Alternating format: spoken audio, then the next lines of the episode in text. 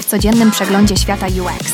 Każdego dnia przeszukuję najpopularniejsze artykuły z ostatnich 24 godzin, aby dostarczyć Ci najświeższe i najciekawsze informacje. Przygotuj się na krótkie, ale treściwe podsumowanie najnowszych trendów i innowacji w User Experience. Gotowi? Zaczynamy! Dzisiaj 17 lutego zapraszam Was na kolejną odsłonę UX Shortcast. Dave Hora w swoim artykule Profilingowanie zespołów produktowych i przewidywanie potrzeb badawczych dla UX Collective porusza kwestię ustalania, jakiego rodzaju pomocy potrzebują zespoły, kiedy tworzą nowe produkty. Mówi, że zespoły przechodzą przez różne etapy, takie jak początkowa faza z nowym pomysłem lub kiedy ich produkt jest już powszechnie znany i używany. Rozumiejąc te etapy, możemy przewidzieć, czego zespół może potrzebować, zanim jeszcze to zgłosi. To pozwala nam być lepszymi partnerami, a nie tylko osobami, które reagują, gdy pojawi się problem. Podobnie jest z telefonami, które zaczynały jako duże cegły, a teraz nie możemy żyć bez naszych smartfonów. Artykuł dotyczy przewidywania i inteligentnego pomagania zespołom w tworzeniu fajnych rzeczy.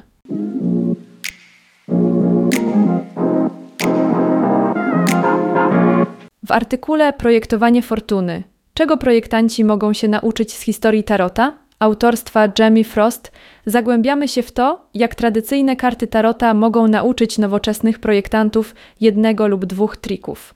Karty Tarota istnieją od 1400 lat i nie są przeznaczone tylko dla wróżek. Są pełne symboli i opowieści odzwierciedlających główne motywy życia. Projektanci mogą wykorzystać te same sztuczki – takie jak użycie symboli, aby ułatwić zrozumienie, czy opowiadanie historii, aby przekazać jakiś punkt widzenia. Artykuł porusza także, jak tarot może nas zainspirować do patrzenia na problemy z nowych perspektyw, podobnie jak sesje burzy mózgów w pracach projektowych. Więc nawet jeśli tarot wydaje się być czymś mistycznym, kryje praktyczne lekcje dla tworzenia rzeczy, które naprawdę przemawiają do ludzi.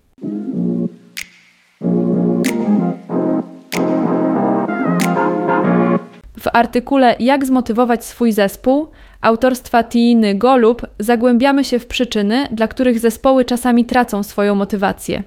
To jak niewidoczny wróg, który powoli podkopuje współpracę w zespole i fajne rzeczy, które mogą stworzyć. Artykuł wskazuje, że kiedy duch zespołu jest na niskim poziomie, jest to zwykle wynik większych problemów w firmie.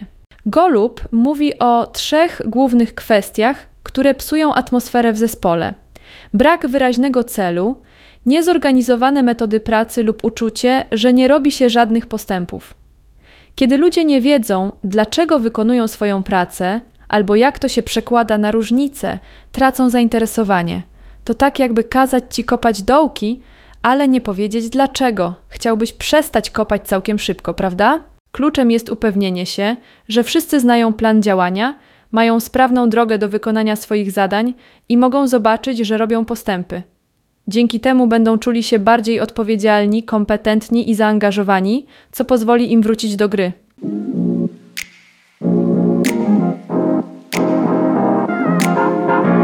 W artykule Jak bardzo osobista powinna być personalizacja autorstwa Daily Wilhelm skupia się na znalezieniu złotego środka w personalizacji AI to jest tak, jakbyś dostał e-mail z przypomnieniem o produktach w koszyku. To jest w porządku, ponieważ opiera się na tym, co już podzieliłeś się ze sklepem. Ale załóżmy, że strona zaczyna sugerować produkty oparte na imieniu Twojego zwierzaka, a Ty nigdy nie podałeś sklepowi imienia zwierzaka, to wtedy staje się to zbyt osobiste, jakby ktoś węszył na Twoim podwórku. Wilhelm wyjaśnia, że personalizacja jest hitem, ponieważ sprawia, że ludzie czują, jakby usługa ich znała. To jak właściciel sklepu, który pamięta, co lubisz. Wspomniana w artykule ankieta Epsilon mówi, że większość osób lubi doświadczenia spersonalizowane i sprawi to, że są bardziej skłonni do zakupu. Ale oto sedno. Istnieje granica między fajną personalizacją a przerażającym nadzorem. Artykuł mówi nam, abyśmy byli pomocni, ale bez wchodzenia z butami w czyjeś życie.